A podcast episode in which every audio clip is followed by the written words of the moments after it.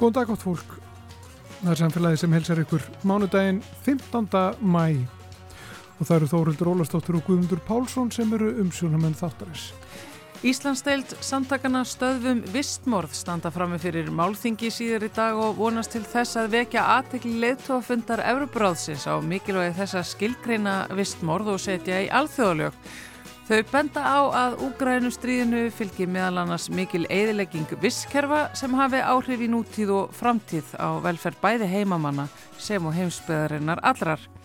Fyrir það er að vera hægt að sækja rúsa til Saga. Við ræðum við tvo fulltrúa samtakana hér á eftir. Félag Íslenskra hjúgrunafræðinga samþykti álöktun og aðalfundi sínum fyrir helgi þar sem félagi lýsir þungum áhyggjum af hópi hjúgrunarfræðinga sem leita til annara starfa vegna aukins álags og skorar á stjórnvöld að bæta starfsumhverfi hjúgrunafræðinga með því að tryggja mönnunar viðmið, bæta vinnuðastuðu og öryggi á vinnustaf. Halla Eiríksdóttir er varaformaður félags íslenskra hjúgrunafræðinga við heyrum í henni á eftir. Málfarsmínútan verður svo á sínum stað, jafnvel eitt russlarapp og svo kemur til okkar Helga Lára Þorsteinsdóttir, sapstjóri Rúf og allar að rifja upp heimsók Svíakonungs sem kom hinga til lands árið 1957. En við byrjum á vistmorði.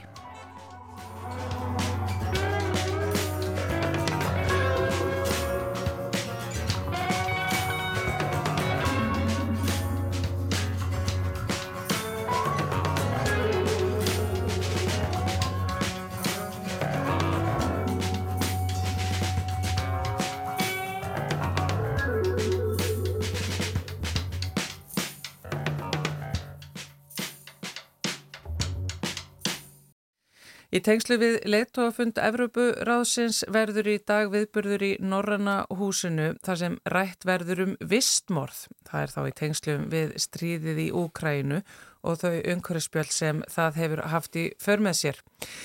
Hjá mér setja tvö þeirra sem að ætla að taka til máls á málþinginu í dag á samt fleirum. Þetta er annars vegar Kristín Vala Ragnarstóttir, professor í sjálfbarnivísendu við Háskóla Íslands og hins vegar Magnús Hallur Jónsson sem er landvörður og þau eru bæði fulltrúar í landsamtökunum stöðvum vistmorð hér á Íslandi. Sælveriði bæði tvö. Sæl. Þetta, þetta er aldrei dramatist orð, uh, vistmorð, en hvað er verið að meina uh, með því? Hvað þýðir það?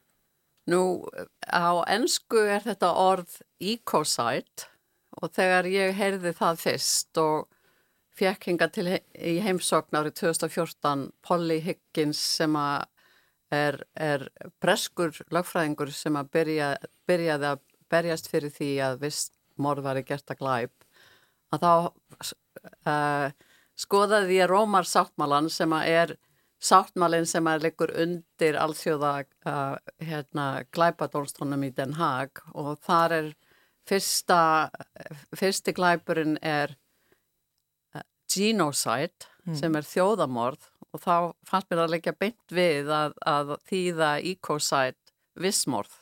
Já, það er svo að viðtæk um, og ósýpnar aðtapnir sem framdar eru með vittnesku um að verulega líkur sé á því að alvarlegt og annarkvört viðtakt eða langvarandi tjón á umhverjunu verði að völdum þessara aðtapna. Það er sem sagt lagalega skilkurningin sem að var uh, endur skrifuð af tólf alþjóða lögfræðingum uh, árið 2021 uh, að undirlægi sænska þingsins. Og er vistmórð þá í dag svona þekkt og, og, og staðfest uh, og viðkjönt lagalega og, veist, í alþjóðlögum sem svona fyrirbæri? Nei, ekki en þá. Um, það eru fjórir glæpir sem eru uh, í Rómasáttmálanum og nú er verið að leggja til að vistmörð verði fymti glæpurinn og. Úkraina hefur verið að leggja áherslu á það vegna viðtækra um umhverju spjalla á síðan uh, innrás russa hófst uh, í Ukræna. Og, og bara til þess að við áttum okkur betur á því, eins og hvernig umhverju spjall, hvað er, hvað er Ukrænustrið að gera þá við visskerfi landsins? Já, hann alltaf hefur verið þekkt lengi í stríðum að þessi gjör eigðilegging á öllu umhverfi eh, mjög mikilvægt náttúrulega fyrir bara alla framleiðslu landsins og til þess að geta halda fram stíðsrekstri í raun og veru að vera með heilbrikt umhverfi mm. og þannig að anstæðingun nýtur sér það, þennan veikleika um, þetta er alveg bara þögt úr sögunni eins og Karþagó og, og Róm þegar þeir stráðu salti í, í jarðvegin og ekkert ógs yeah. uh, og við sáum það núna líka bara þó við séum ekkert í Úkræna núna en eins og löndi í Afríku og sem þurfa korn og kveiti frá Úkrænu er ekki að fá það út af stríðinu Já. og bara, já, þetta sýnir það hversu tengt í raunum veru allur heimurinn er vistmorð á einum stað hefur gríðaleg áhrif bara um allan heim. Já, og veistu, ef við skoðum söguna og hugsaum um þetta út frá vistmorðum að þá hafa vistmorð náttúrulega verið framinn marg oft eins og kjarnorkutilraunir og ólíuleki og, og, og já, bara hvað eina? Jú, það, það er nefnilega alveg rétt. Um, náttúran í, í, í, fyrir, frammi fyrir lögum hefur engan rétt. Nei. En, en fyrirtæki og, og menn hafa rétt. Ja.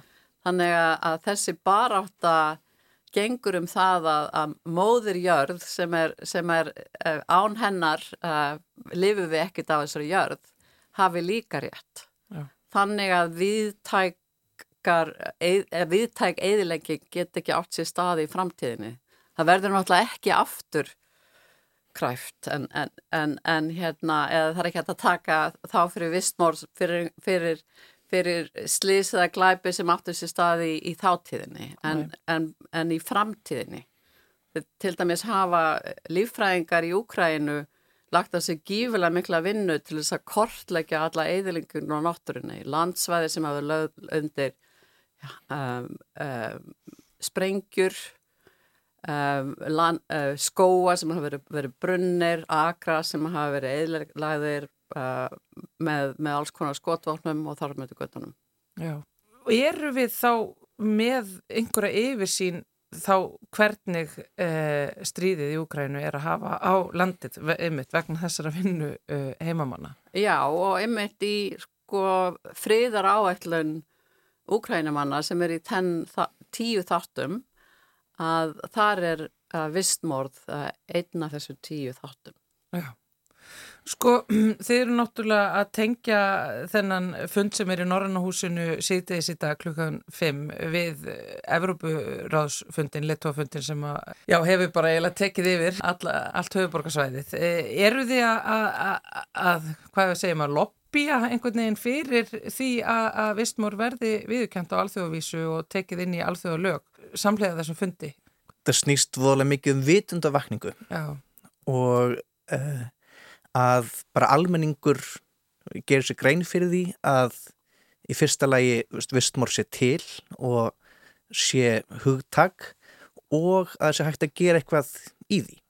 En svo við getum þrýst á uh, lögjavaldið til þess að taka vistmórð alvarlega og það er svo mikilvægt að hver landsteild og, og hver þjóð uh, taki vistmorð alveglega því að til þess að komast inn í alþjóða lagaraman þurfa 80 ekkur, 82 ríki ég, Já, það er í rauninni mjög auðvelt að, að leggja það til að vistmór verði 50 glæpurinn í, í Rómasáttmálanum.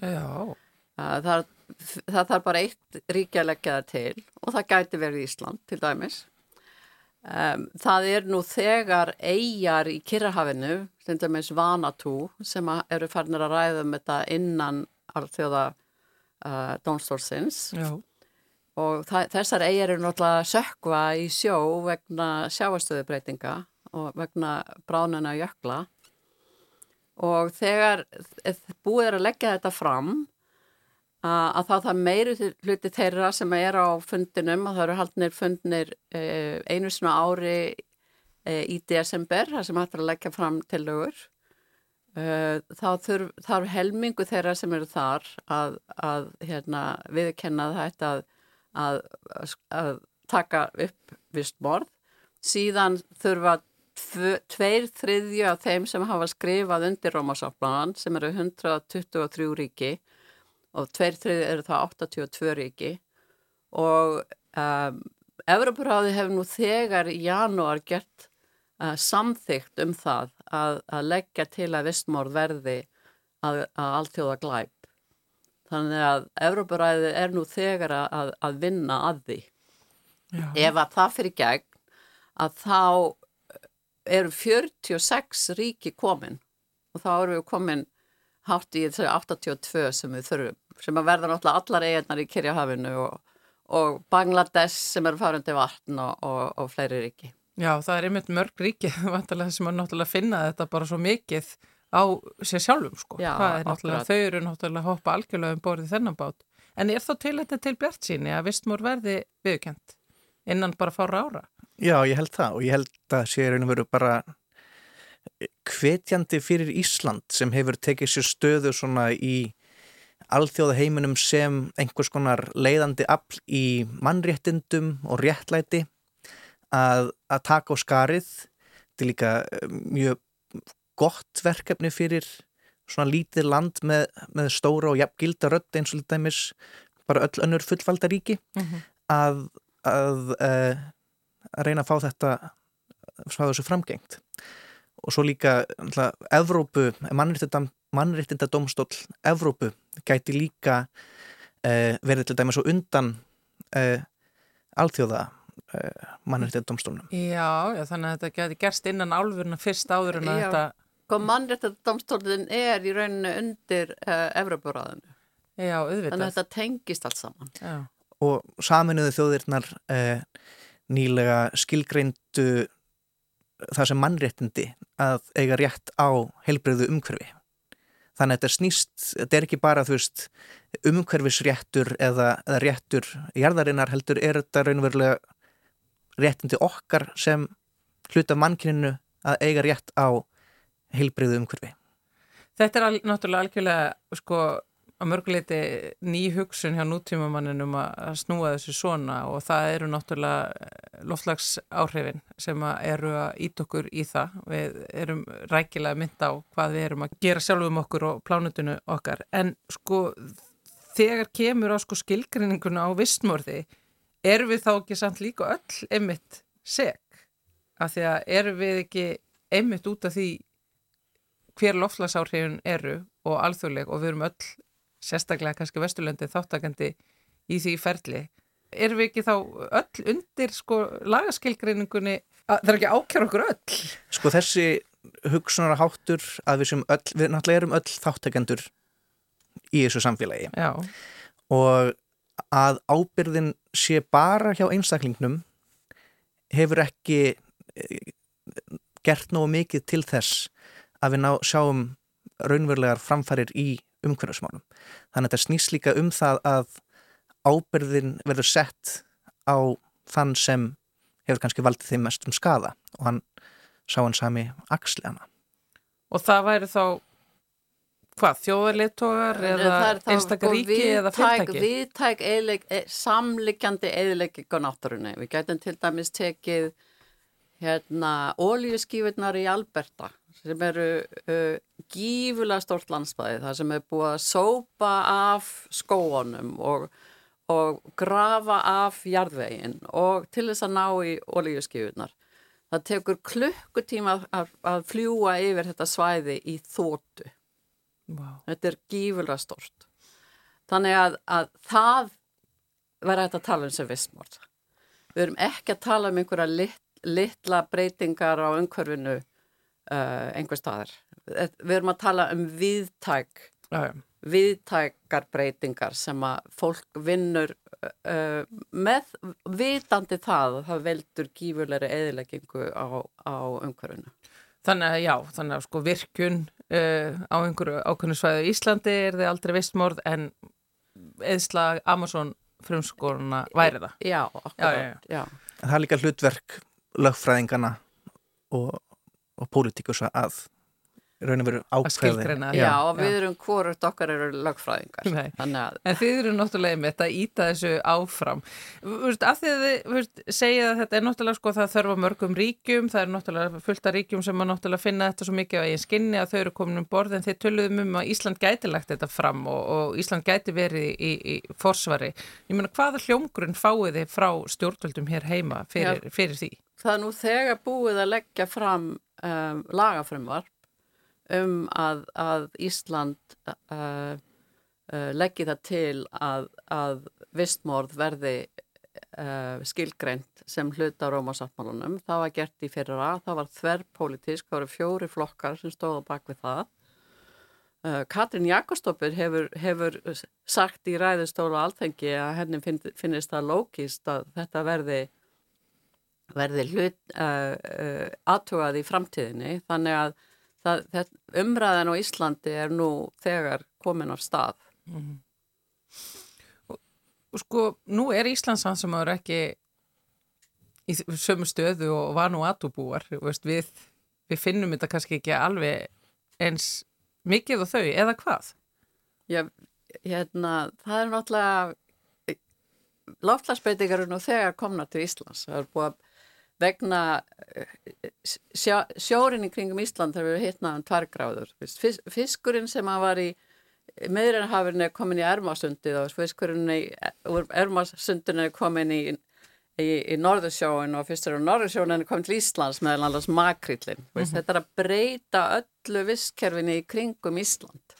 Þannig að þetta ætti að vera okkur gífurlega mikil hérna kvartning til þess að, að reyna að hæja á, á þessum breytingum. Og við náttúrulega finnum það með alla þessa storma sem að herja hérna yfir Ísland. Það, þeir, þeir eru hérna, hérna mjög tíðir núna. Mm -hmm. og uh, veðurfræðingar eru, eru svolítið rægir að segja að þetta sé vegna hérna hlínunar í, í loftnjúpnum en, en það er miklu meiri orka í, í loftnjúpnum og, og hitt það er verið að tala um að meðalhitti jarðar er ekki að fara yfir eina að halva að tvær gráður en sko á, á, á pólanum er, er, er upphittinu nú þegar fjóra gráður af því þetta, við erum að tala um meðal hitta á jörðinni Já. þannig að það er verða gífulega breytingar og jöklarnir er að bráðna miklu hraðar heldur en gert var áfyrir og sjáarborð er að, er að, að hækka hraðar og þar um þetta göttanum. Þannig að það horfa allir upp á þetta. Já, ef þeir vilja sjá það. Ef þeir vilja sjá það vissulega. Uh, þessi fundur er uh, í dag uh, í Norrannahúsinu og, og, og það er nú fleir heldur um bara þið sem að taka þarna til máls merkilegt fólk sem hefur eh, ljáð þessu málutni góða og kröftu og rödd. Já, það er mikið af, af góðu fólki sem að, sem að kemur hann að. Það er til dæmis uh, Pella Tíl sem er einna af stopnendum hérna, stöðum vissmorði í Svíþjóð og það er Jojo Meta sem að leiðir alþjóða reyfinguna uh, gegn, uh, um lögum vissmorð og um, svo er þarna líka hún Túfa sem er eh, svona ungliða fulltrúið uh, fer á ráðstöfnur hjá saminuðu þjóðanum og, og er í sambandi við, við unga fólk á Íslandi og, og, og svo er það Andris Ingi sem að lagði fram lagafrimrapið í alþengi í fyrra á, á samt öðrum Og fulltrúið frá Úkrænu líka. Já. Svo tengir þetta vel inn í af því að bara fyrir það sem er að gerast núna sko. Algjörlega. Já, akkurat. Það er aðtöklisverst að ymmit, eh, Evrópuráðið fundar þarna nýri hörpu og, og, og talar um Úkrænu, kannski ekki akkurat þetta vistmórðið sem er þar að gerast en það er þá alltaf farið yfir það þarna hjá ykkur í Norrannahúsinu í dag. Það vonast til þess að verða einhver umræðu um það á þessum leittáfundi en við náttúrulega stýrum ekki þeirri samræðu. Já, en þið getið allavega lagt þetta inn. Já. Kristín Vala Ragnarstóttir, professor í sjálfbarnivísendum við Háskóli Íslands og uh, Magnús Hallur Jónsson, landverður, bæði fulltrúar í landsauðum hér á Íslandi uh, fyrir stöðum vistmórð. Takk kærlega fyrir kominhinga í samfélagið. Takk fyrir. Takk fyrir.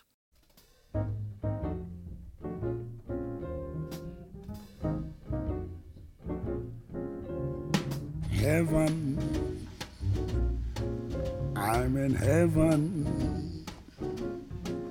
And my heart beats so that I can hardly speak.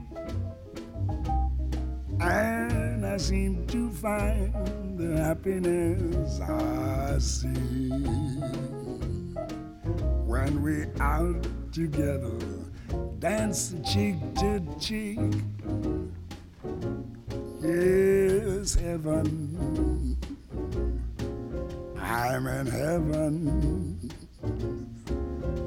And the cares that hung around me through the week seems to vanish like a gambler's lucky streak. When we out together, dancing cheek to cheek. I'd love to climb to mountain, reach the highest peak, but it doesn't thrill me half as much as dancing cheek to cheek. Oh, I'd love to go out fishing in a river or a creek, but I don't enjoy it half as much as dancing cheek to cheek. Now, mama, dance with me. I want my arms about you, the charms about you will carry me through. Yes, heaven. I'm in heaven and my heart beats so that I can hardly speak. And I seem to find the happiness I seek when we out together, dancing cheek to cheek. Take it, Ella, swing it. Heaven, I'm in heaven and my heart beats so that I can hardly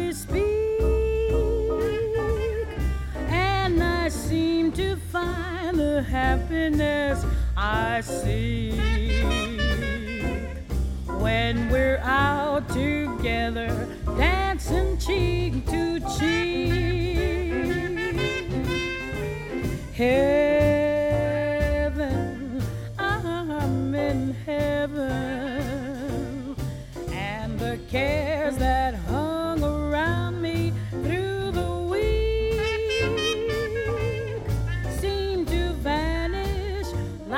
gambler's lucky streak when we're out together dancing cheek to cheek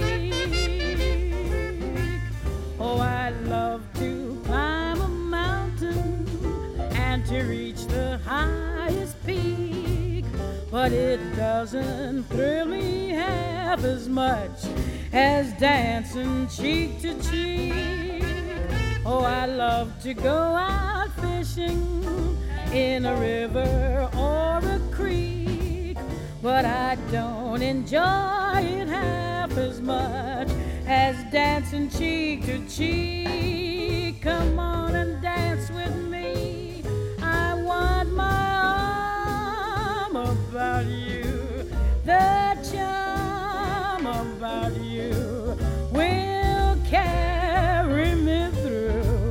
To heaven. I'm in heaven, and my heart beats so that I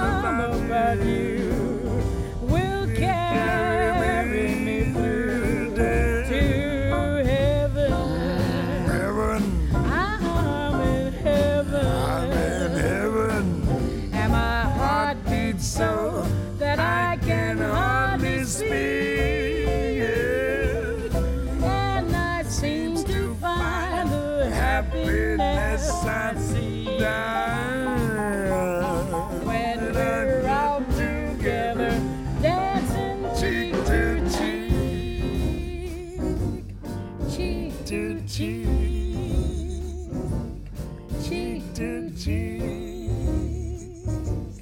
cheek. to cheek.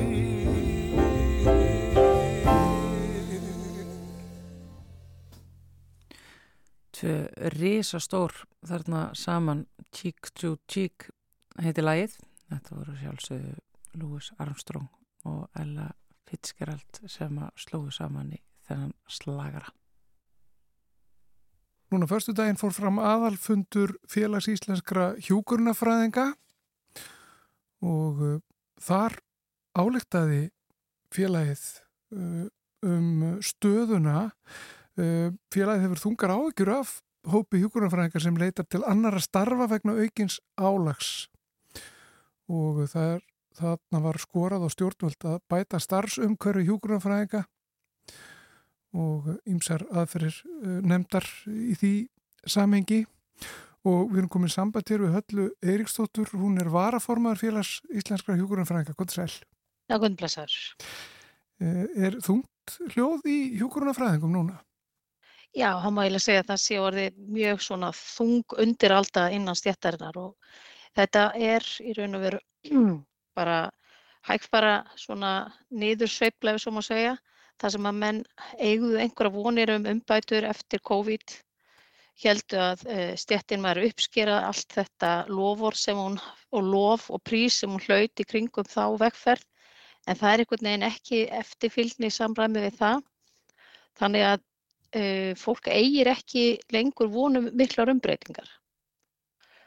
Og að því leytunum til er starfsumhverfið í, því, þeim, í þeirri stöðu að, að e, það, er, það gildir ekki lengur að kalla hátt að það vanti fólk, það sé ógn við starfsörgi og ógn sjúklinga. Það er, það er ekki hlusta á þetta og að neinu marki því að við sáum það alveg í COVID hvað var hægt að gera ef menn ætluð sér að ná einhverjum árangri á stuttum tíma. Þannig við vitum að það er hægt að gera hlutina á skemmri tíma en hefur verið gert. Já. Og, og hva, hvert er stóra málið? Er það, er það laun eða manni sínist þið nú verið að nefna ímislegt til sögunar? Sko, það er náttúrulega rannsóknir segja að laun sé ekki 100% það sem að, að fólk uh, sækist eftir. Því það sýnir sér líka að uh, hjúknarfræðingar sem að vilja íhuga hætta starfa, þeir, þeir elska starfið sitt. En starfsumhverfið er orðið þess eðlis að þú hefur gerðið grein fyrir því að það verkefni sem þér er falið er óvinnandi við sumaraðstæður og en er þú berð ábyrð á þessu, þú hluti af kerfi sem þú getur ekki umbreytt og þá er það bara þitt val, viltu taka þátt í þessu eða viltu hætta því að það er engar, engin viðmið hvað hver og eitt starfsmæður á að sinna uh, miklum og flóknum verkefnum. Það er engin vörn fyrir heilbriðstarfsmann ef hann er settur í þar aðstæður að vinna langt umfram það sem hans vökutími segir og gerir mistök.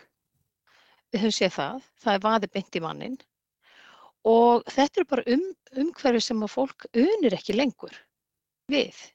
En á sama tíma höfum við talað í mörg ár um að þessi störf sem eru meira og minna kvennastörf ætti að taka mið af öðrum sambarilegum störfum með mentun ábyrð, gafkart launum og það hefur heldur ekki engið eftir. Þannig þetta eru svona þessir veigamestu punktar að auðvitað verður virði starfana að vera í samræmi við laun. Og það er alveg, ég fullir í það til dæmis að sko, þetta er velmentu stjætt en það er, sóun, það, það er mikil sóun á sko, uh, maður, verðmætum gagvart mentun hjúknarfrænga því að sérfrængar inn á hjúknar, þeir fá bara ekki að vinna í samræmi það sem að mentu þeirra uh, hljóðar upp á og við nýtum það ekki til fullnustu. Því kerfið það býður ekki upp á svona mismunandi aðferðir til þess að veita þjónustu sem hjúknaf, er veita hjúknarfræðingum. En það er líka mjög sérst að þú sér mjög lítið að hjúknarfræðingum sem starfa utan stopnana. en það er miklu algengar meðal annara stjætta. Þessi stjætt hefur bara lokast inn á stofnunum, það er engin möguleik að starfa, e, fá samning við e, sjúkurtryggingar Íslands, við sjálfstætt starf. Þannig að við, við erum búin að loka þessa stjætta af og hún hefur ekki möguleika að nýta sem skildi. Þess, þessu til viðbútar þá höfum við heldur ekki sem að þjóðir sem við erum alltaf að bera okkur saman við, þeir hafa innan sín stjórnkerfis eh, yfirmann í hjúkrun til þess að fjalla um hvernig ná að skipulegja störf þessara fjölmennustu stjættar heilbríðskerfisins. Og þetta er hú að skora hérna, lönd á að hafa slíka stöð. Það er engin inn að heilbríðskerfisins. Þannig að þetta er ekkit gott skipula hjá okkur. En, en sko við heyrum fréttir því og við hefum heyrta í nokkur ár og mörg ár meira sé að það sé að, að hjúgrunarfræk sé að sækja annað, sé að sækja unnur störf. Um, er svo þróun, heldur hún alltaf áfram sko? Er alltaf að fækka þeim hjúgrunarfræðingur sem vilja starfa sem hjúgrunarfræðingar eða hafa hjúgrunarfræðingar komið svolítið tilbaka e, og eru aftur ykkur að blíkur á loftu um að, að hjúgrunarfræðingar fara, fara að leita í unnur störf? Og við erum búin að gera uh, uh, spurningakönnun til hjúkunarfræðinga, félagsmanna á hverju ári um að, sagt, uh, hvað var þar um starfs, kjö, kjaramál og starfsumhverfi og við spyrjum alltaf um hver, hvað líkur á því þú hættir inn að tveggja ára. Þetta hlutfall fer alltaf hækkandi.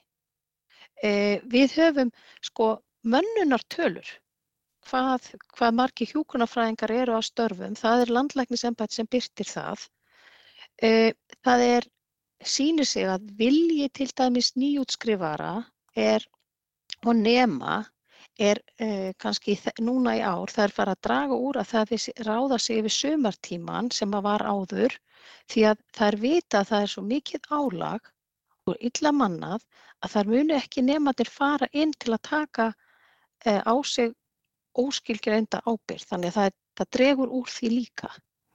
Þannig að þetta er nýtt að nefnarnir eru kannski ekki að skila sér inn á sumartímanum eins og áður. Þannig að þetta eru svona vísbindingar hér og þar að, að þetta er samdráttur í aðsókn og störfum. En tölfræðilega uh, er þetta ekki, sko þetta er eins og þú, þú ert að leggja stað eins og íslenska heilbrískerfið er í raun og veru að greiða öllu hjúkunarfræðingum meir og minna, hvort sem þeir vinna hjá ríkjunu eða hjá sveitafélagum, þetta er allt meir og minna fjármagna ríkjunu og það er með ólíkjendum að sko ríkisveldi skul ekki vera búin að setja sér einhverja áallanir hvernig er alltaf manna þetta kerfi sem á að halda uppi heilsu og, þjóð, eh, he, heilsu og velferð heilra þjóðar. Er þetta uh, svipuð þróun annar starf? Það er nú stutt síðan að hjúgrunafræðingar í Breitlandi voru í mjög svona viðtækum verkvælsækjurum? Já, sko þetta er, skortur og hjúknarfræðingum er uh, vandamál um heimallan. Það er alveg ljóst og það er verið að reyna að vinna markvist í sömulöndum að auka uh, þáttöku eða, eða hvað segja, mentun hjúknarfræðinga því að það eru bara búið að sanna það að þetta eru mjög mikilvægir starfsmenn fyrir velferð þjóða. Þeir hafa áhrif þessi starfsmenn og það er svo sorglegt í þessar umræðu að það skulle alltaf þurfa að hengja á einhverja tilfinningar við þessa, þetta, þetta starf. Okkur meðum ekki bara vera mm, eh, velmentuð, framlag hérna, en við erum að vera hjarta og við erum að vera heili og eitthvað slíkt. Okkur þarf alltaf tilfinninga að gera okkur í staðan fyrir að við erum bara með hugvit, uh, frumkvæði, öflug hérna, mentun, nei, það þarf alltaf að setja tilfinningun á okkur. Og ég man það bara fyrir mörgum áru þegar ég var að læra og talaði eitthvað þann vegi eins og bara eins og maður gerir þegar maður er launamæður, þá var ég bara skömmuð því ég átti að vera bara hugssjón einni saman í þessu starfi. Og þessi viðhorf það, það er það sem við erum að klíma við. Já. Er, er það mikill hugur núna í hjúkurnafræðingum að, að það sé verið að tala um eitthvað skonar aðgerir? Ég sko, aðgerðir og ekki aðgerðir. Það er nú þetta með verkvöldin. Við höfum farið í verkvöld og þau bara, það heldur ekkert. Við höfum, við höfum farið, við höfum ekki samþýtt kjærasamning og það er sett kjæratómur, skiljur. Það, við erum algjörlega vopplaus í þessu og það sem er svo sorglegt við svona aðgerðir að þetta bitnar ekki á atvinnureikandanum, þetta bitnar á þeim sem sést síst skildi, sjúklingunum. Mm -hmm. Og það er svo erfitt í slíkri baráttu að standa fram fyrir því að, að til þess að krefjast launa að þá bitni það á þeim sem minnst meiga sín. Og það er mjög ó, það er svona ósangjant, gagvart heilistjætt að setja þessar í, í slíka aðstæður. Þess vegna verður þetta samtal í kjara viðræðu núna og það búið, formaður er búin að benda rauðaspjaldið. Að það er verið að á að vera fyrir ágúst af lok að vera búið að vinna í því að auka og meta virði starfa. Ef að ríkjunu teksta ekki, þá get ég ekki lofa því hvað hjóknufræðingar sko hafa þól, þól fyrir slíkri samninga, draga samninga áfram á þessum nótum því að þessi samninga sem voru samþýttu núna með mjög naumi meiri hluta, það segir bara að það er, það kræmar meðal stjættarinnar. Mm. Hvað gerist nú aftur 2020? Vildu rífa það upp með okkur? Það voru bóðar verkvælsæðgeri þá, ekki satt? Já, jú, og Það var, ég man ekki nákvæmlega hvað þetta stóði margi dagar, en það var, síðan var bara sett bann á það. það er, við, höfum, við höfum ekki getað sko haldið út uh, að vera einhvern með einhver verkvallar á því. En þá, var, þá kom niðurst að frá um ekki Jú, og það kemur skýrt fram að í því uh, plaggi, þá kemur skýrt fram að það er munur, það, það er kynbundur launamunur sem ber að leiðra þetta. Þannig að sko það eru alla forsendur hann til staðar og það væri svo óskandi að menn væri að lesa það sem búir að skrifa í öllum sem nefndum ráðum og nýta sér það og vinna samkvæmt því. Því að við, við getum ekkert setið lengur undir þessu að setja hlutin í nefndi eða fleiri, fleiri hérna, stýrhópaði mál. Einmitt. Halla Eirstóttir var að formar félagsíslenskra hjúgrunafræðinga. Þú ert uh, við skulum skipta þessu gýr vegna þess að þú ert, þú ert líka söðfjörðbóndi og já, það já, er dálítið að gera hjá ykkur söðfjörðbændum núna þessa dagana og næturnar Já, já, það er, ég var að koma nættögt og, og kannski er svolítið herska eftir það, maður þarf að vera svona svolítið, já, á, tánum. Og þú ert að koma er- þar að segja í, í fjárhúsum. Já, já, ég var þar og, og hérna, og fannst bara, finnst þetta bara mjög gaman og, og það er, það er, þetta er náttúrulega svo önnur störf, þetta gengur vel ef þetta er vel mannað, en það gengur illa ef að það er illa mannað því að þá sefur enginn og allir steittir og auki mi- hætt á mistökum, þetta er alveg eins og í heilbrigðiskerfinu sko, maður þarf að plana þetta Og, og, en þetta er náttúrulega, það er bara eins og annað. Það sem þú ert að fást við eh, lifandi verur, þú, hvort sem það er fólk eða skepnur. Það, það er að mæta þeim það sem þeir eru á hverjum tíma, reyna að nálgast þarfið þeirra og hjálpa þeim eh, áfram í, í lífinu. Sko. Og ef þetta fyrir úrskeiðis að taka því sem höndum ber og reyna að lifa með því og bjarga því sem hægt er að bjarga. Mm eh, hvernig var nóttin? Hún var bara nokkuð góð. Það var svona meira um að vera síðustu nótt, þá reiknaði út að það voru, ég tók fjóra tíma reynda bara en það voru tíu lömb á, á hérna, nei það var eitt lamb á hverju tíu mínútum. Það þátt aldrei erisamt. En þetta er alltaf gaman þegar það gengur vel, ég segi það ekki. Og, eru, og þetta eru svo skemmtilega skepnur, þær, þær eru ekkert svona allar eins. Það er algjör vittlisa sko.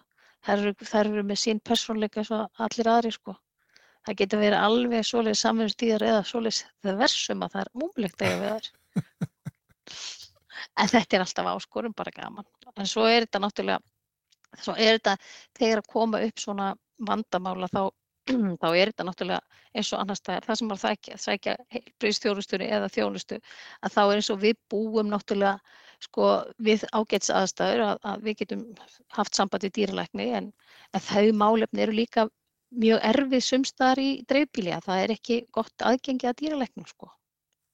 Þannig að þetta er, þetta er það sem var að kljást við sko og er mjög auðvelt að samsama þegar við erum að tala um þjónust í dreifbíli. Það, það vantar sérfræðingana. Já. Þannig að það eru margt í þessari vegferð að hafa unnið í landbúnaði og heilbrigðiskerfinu. Það er margt sameigilegt þarna. Þetta er fólk að vinna með lifandi uh, líf og, og hérna og þarnast mikillar alúðar. Og hugveit sko, þetta er ekki tilfinninga, þetta er ekki bara tilfinninga skal ég segja. Einmitt. Það, já, nákvæmlega. En uh, hvað gerir það fyrir að taka móti mörgur lömpum þetta vorið, vitið það? Það er svo merkilegt, þú veist, það veit aldrei neitt bóndi hvaðan ámarga kindur eða hvaðan fæðist mörg lömp. Það er einhvern veginn, þetta er reikn á einhverju tíma þú lætur telja sko, fórstu telja og svo einhvern veginn bara færist þessi tala til og en þetta eru, við erum að taka svona hvað, alltaf verið ekki 800-900 eitthvað sluðis. Já. Það er nú bara tölvert, er það ekki? Já, já, það er, Já. ef allt gengur upp. Já. Einmitt það. Ég vona að þetta gangi allt saman vel hjá okkur. Halla Já, þakka kærlega fyrir það. var að forma félags íslenskar hjúgrunarfræðinga og söðfjörbúndi. Gaman að spjalla við þig og Takk fyrir sömuleiðis. gangið vel í, í já, sama hvaða hatt þú ert með hverju sinni. Takk, takk fyrir kærlega. Bless, bless.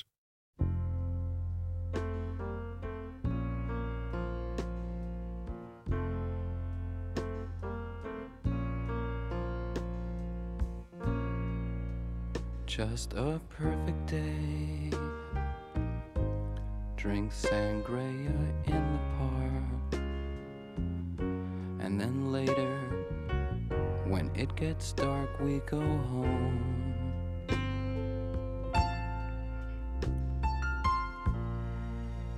Just a perfect day. Feed animals in the zoo. Then later, a movie too, and then home. Oh,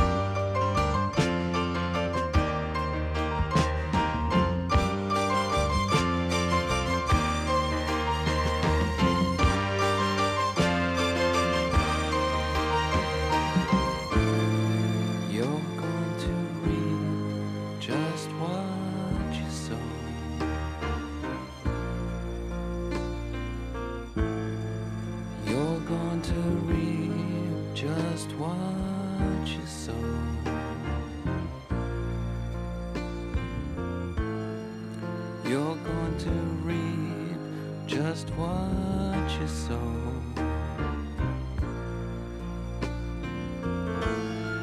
You're going to reap just what you sow.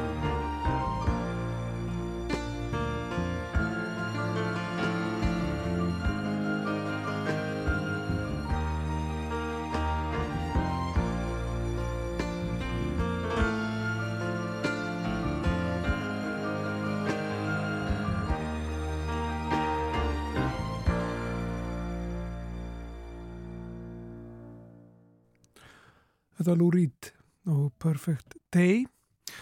Hún Helga Lára Þorsteinsdóttir sérst hjá okkur hér eftir smá stund. Hún er með eitthvað gott úr safninu sem hún ætlar að rifja upp með okkur og uh, heyrum í henni hér eftir smá stund. En fyrst ætlum við að fá eina málfarsminútu.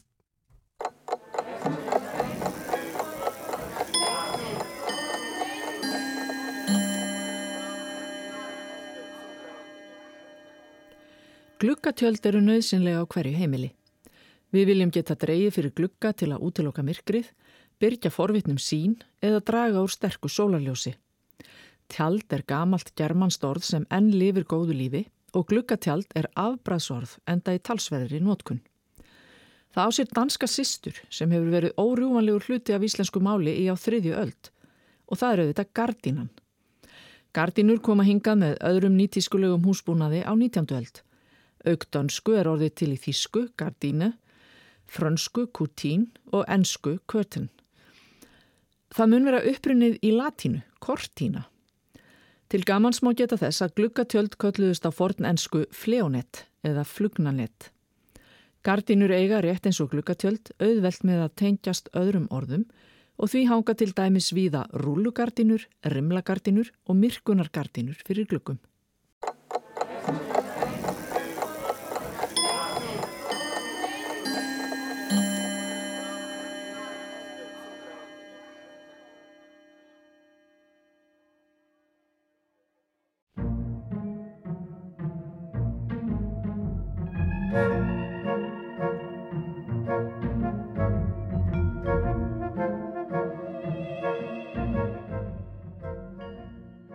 Þá eru við komin í Ruslarappið með Eiriki Erni Þorstensinni sem er sérfræðingur í fræðslu og miðlun hjá Sorpu. Sælvertu Eirikur.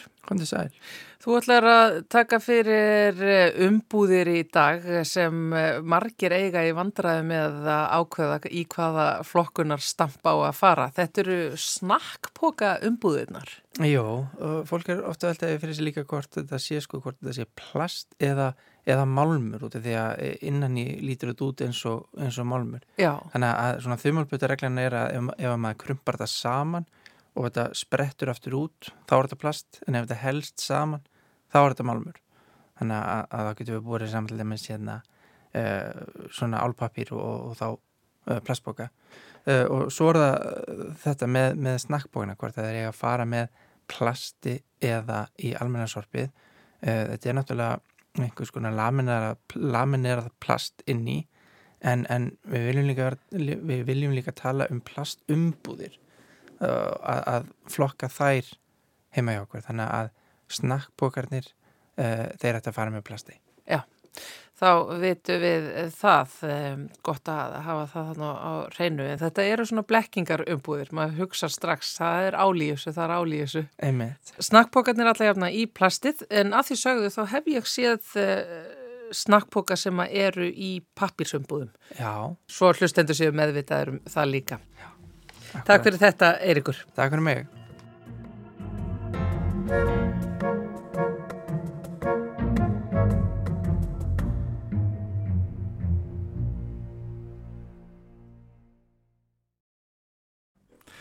Þá veitum við allt um það hvert uh, snakkpokanir er að fara og þeir voru nokkrir uh, sem að sem að uh, þurfti vantalega að farga eftir eða koma á sinn stað eftir þessa helgi. Það voru margir snakkbókanir sem voru opnaðir yfir Júruvísson, gerir það fyrir. Já, og kannski einhverjir hafa grátið ofan í einhverja snakkbóka. Það gæti verið. Það gæti verið. verið. Þeir fara samt. Já, það þarf samt að flokka á. Í plast. en þá er komið að uh, spjalli frá Sapni Rúf, uh, sapstjórun okkar Helga Lára Þorstensdóttir er sest hérna hjá okkur. Sælvertu Helga Lára. Komið sæl. Uh, það er nú eitthvað svona krosstenging við leitofundin, efni dagsins úr fortíðinni, má ekki segja það? Jú, það má segja það. Í þessari viku verður haldinn leitofundur Evroparáðsins í Reykjavík og er fundurinn talin mikilvægt framlag Íslands til alþjóðulegar samvinnu í þáu líðræðis, mannrættinda og réttaríkisins og er aukþess tækjafæri til að árétta samstöðu þjóða með Úgrænu. Og það er fjöldi evróskra ráðamanna sem kemur hingar til lands með engaþótum og loka þarf umferðum stóran hluta miðborgarinnar til að fólk geti örugt farðum strætu og tork og fundað og strætu og ekkur eftir breyttum akstusleiðum og í kringum hörpu verður götum bara alveg lokað fyrir alla umferð. Og mér langar að þessu tilefni að rifja upp heimsókn Gustaf Adolfs Svíakonungs og Lúís drottningar til Reykjavíkuborgar árið 1957 eða fyrir 66 árum. En það þarf auðvitað ekki að taka fram að þessar heimsóknir sko þá og nú eru gjör ólíkar. En það er samt sko gaman að gera sér í hugalund aðeins umgjörðina og hlusta á upptöku útvarsins frá því þegar borgarbúar tóku á móti konungsjónunum. Og í þessum stuttabút sem ætlum að hlusta á á eftir, uh, sem var fluttur þann 30. júni ára 1957, þá heyri við Jóni Magnúsinni fyrirverandi fréttastjóra lýsa upp að við heimsóknarinnar. Og á þessum tíma þá var ekkert ráðhús í Reykjavík. Og því fór sko fyrsta móttakan fram í melaskóla sem að þeir kalla musteri æskunar. Já. Mjög fallegt að hátilega. Það er mjög fallegt. Já, já, já. Og við heyrum þarna í Gunnari Tóratsen, þáverandi borgarstjóra ávarpa gesti á sænsku. En þessi upphafskinning finnst mér svo myndræn lýsing og, og er á fallegum, svo, þetta er svona myndræn lýsinga á mjög, mjög fallegum og lástemdum móttökum. Það sem að sko skátar standa vörð og lítil spariklætt börn veifa fánum. Ég vissum að það hefur verið flaggað á hverju ein, á hverju einasta strætisvegni að þessu tilöfni og almenningur mætti fyrir utan melaskóla til að berja konungshjónin augum. Þannig er ekki verið að fæla fólk frá eða loka götum heldur er einmitt tökum við fagnandi á móti fólki þarna á spariklætt.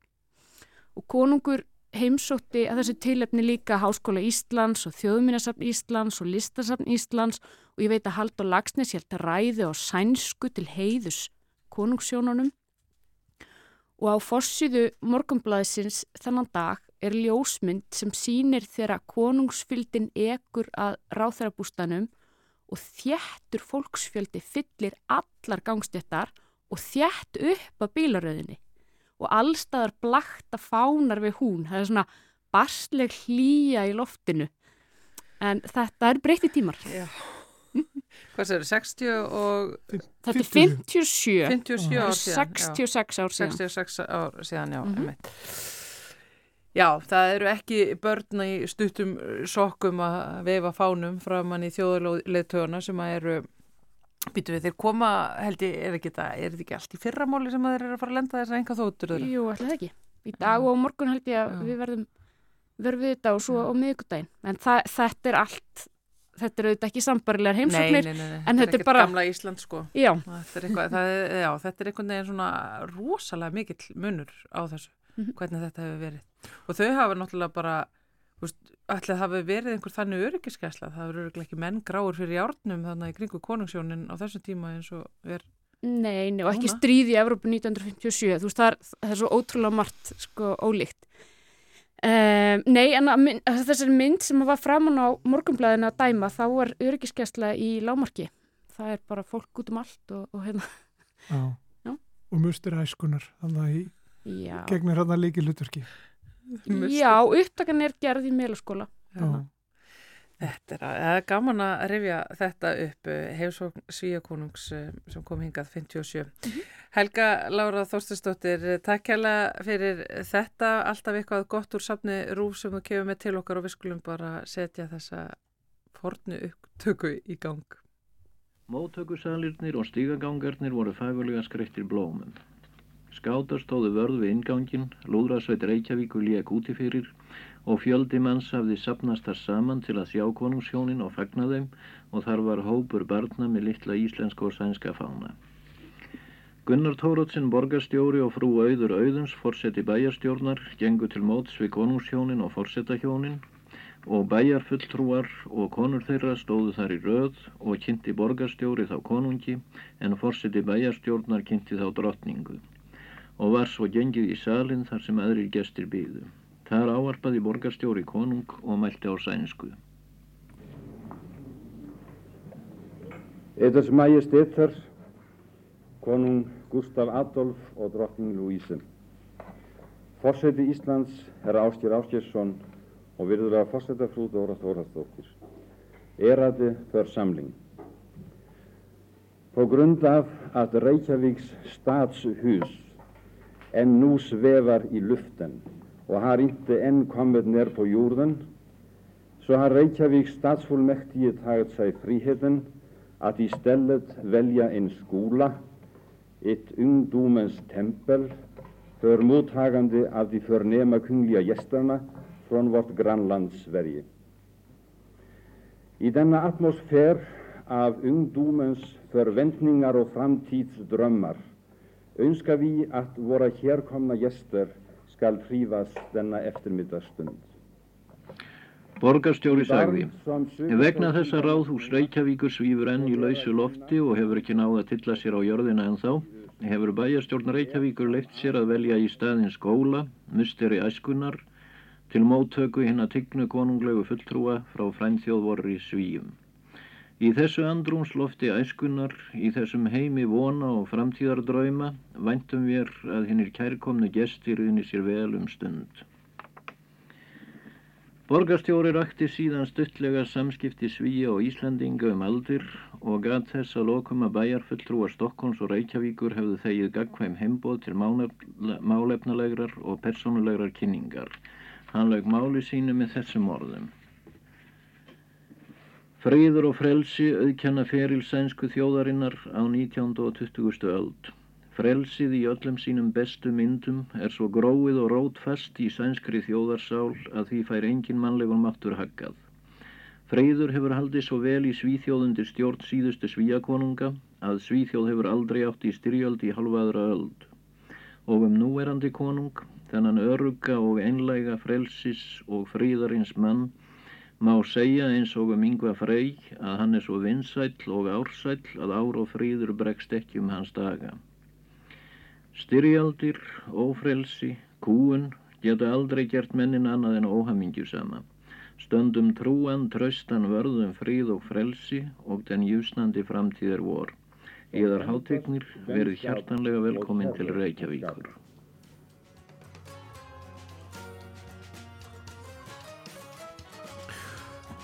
Og þannig líkur samfélaginu með þessari upptöku frá árunni 1957 þegar sænsku konungsjónin heimsóttu Ísland. Og uh, þetta var upptaka sem Helga Lára Þorsteinsdóttir kom með hinga til okkar þennan mánudaginn. Leði okkur að rifja þetta upp. Já, og setja ágætt í samhengi við stóra fundin sem er framöndan Já, ágætt að hafa þessu upptöku huga núna þegar uh, það fer fram útsendingar af fundinu sem að er að byrja Já. í dag og fer á fullt fart á morgun En uh, samfélagið er á enda runnið þennan daginn. Við verðum hér aftur á morgunu sjálfsögðu Þórildur Ólastóttur og Guðmundur Pálsson. Takk fyrir okkur. Verðið sæl.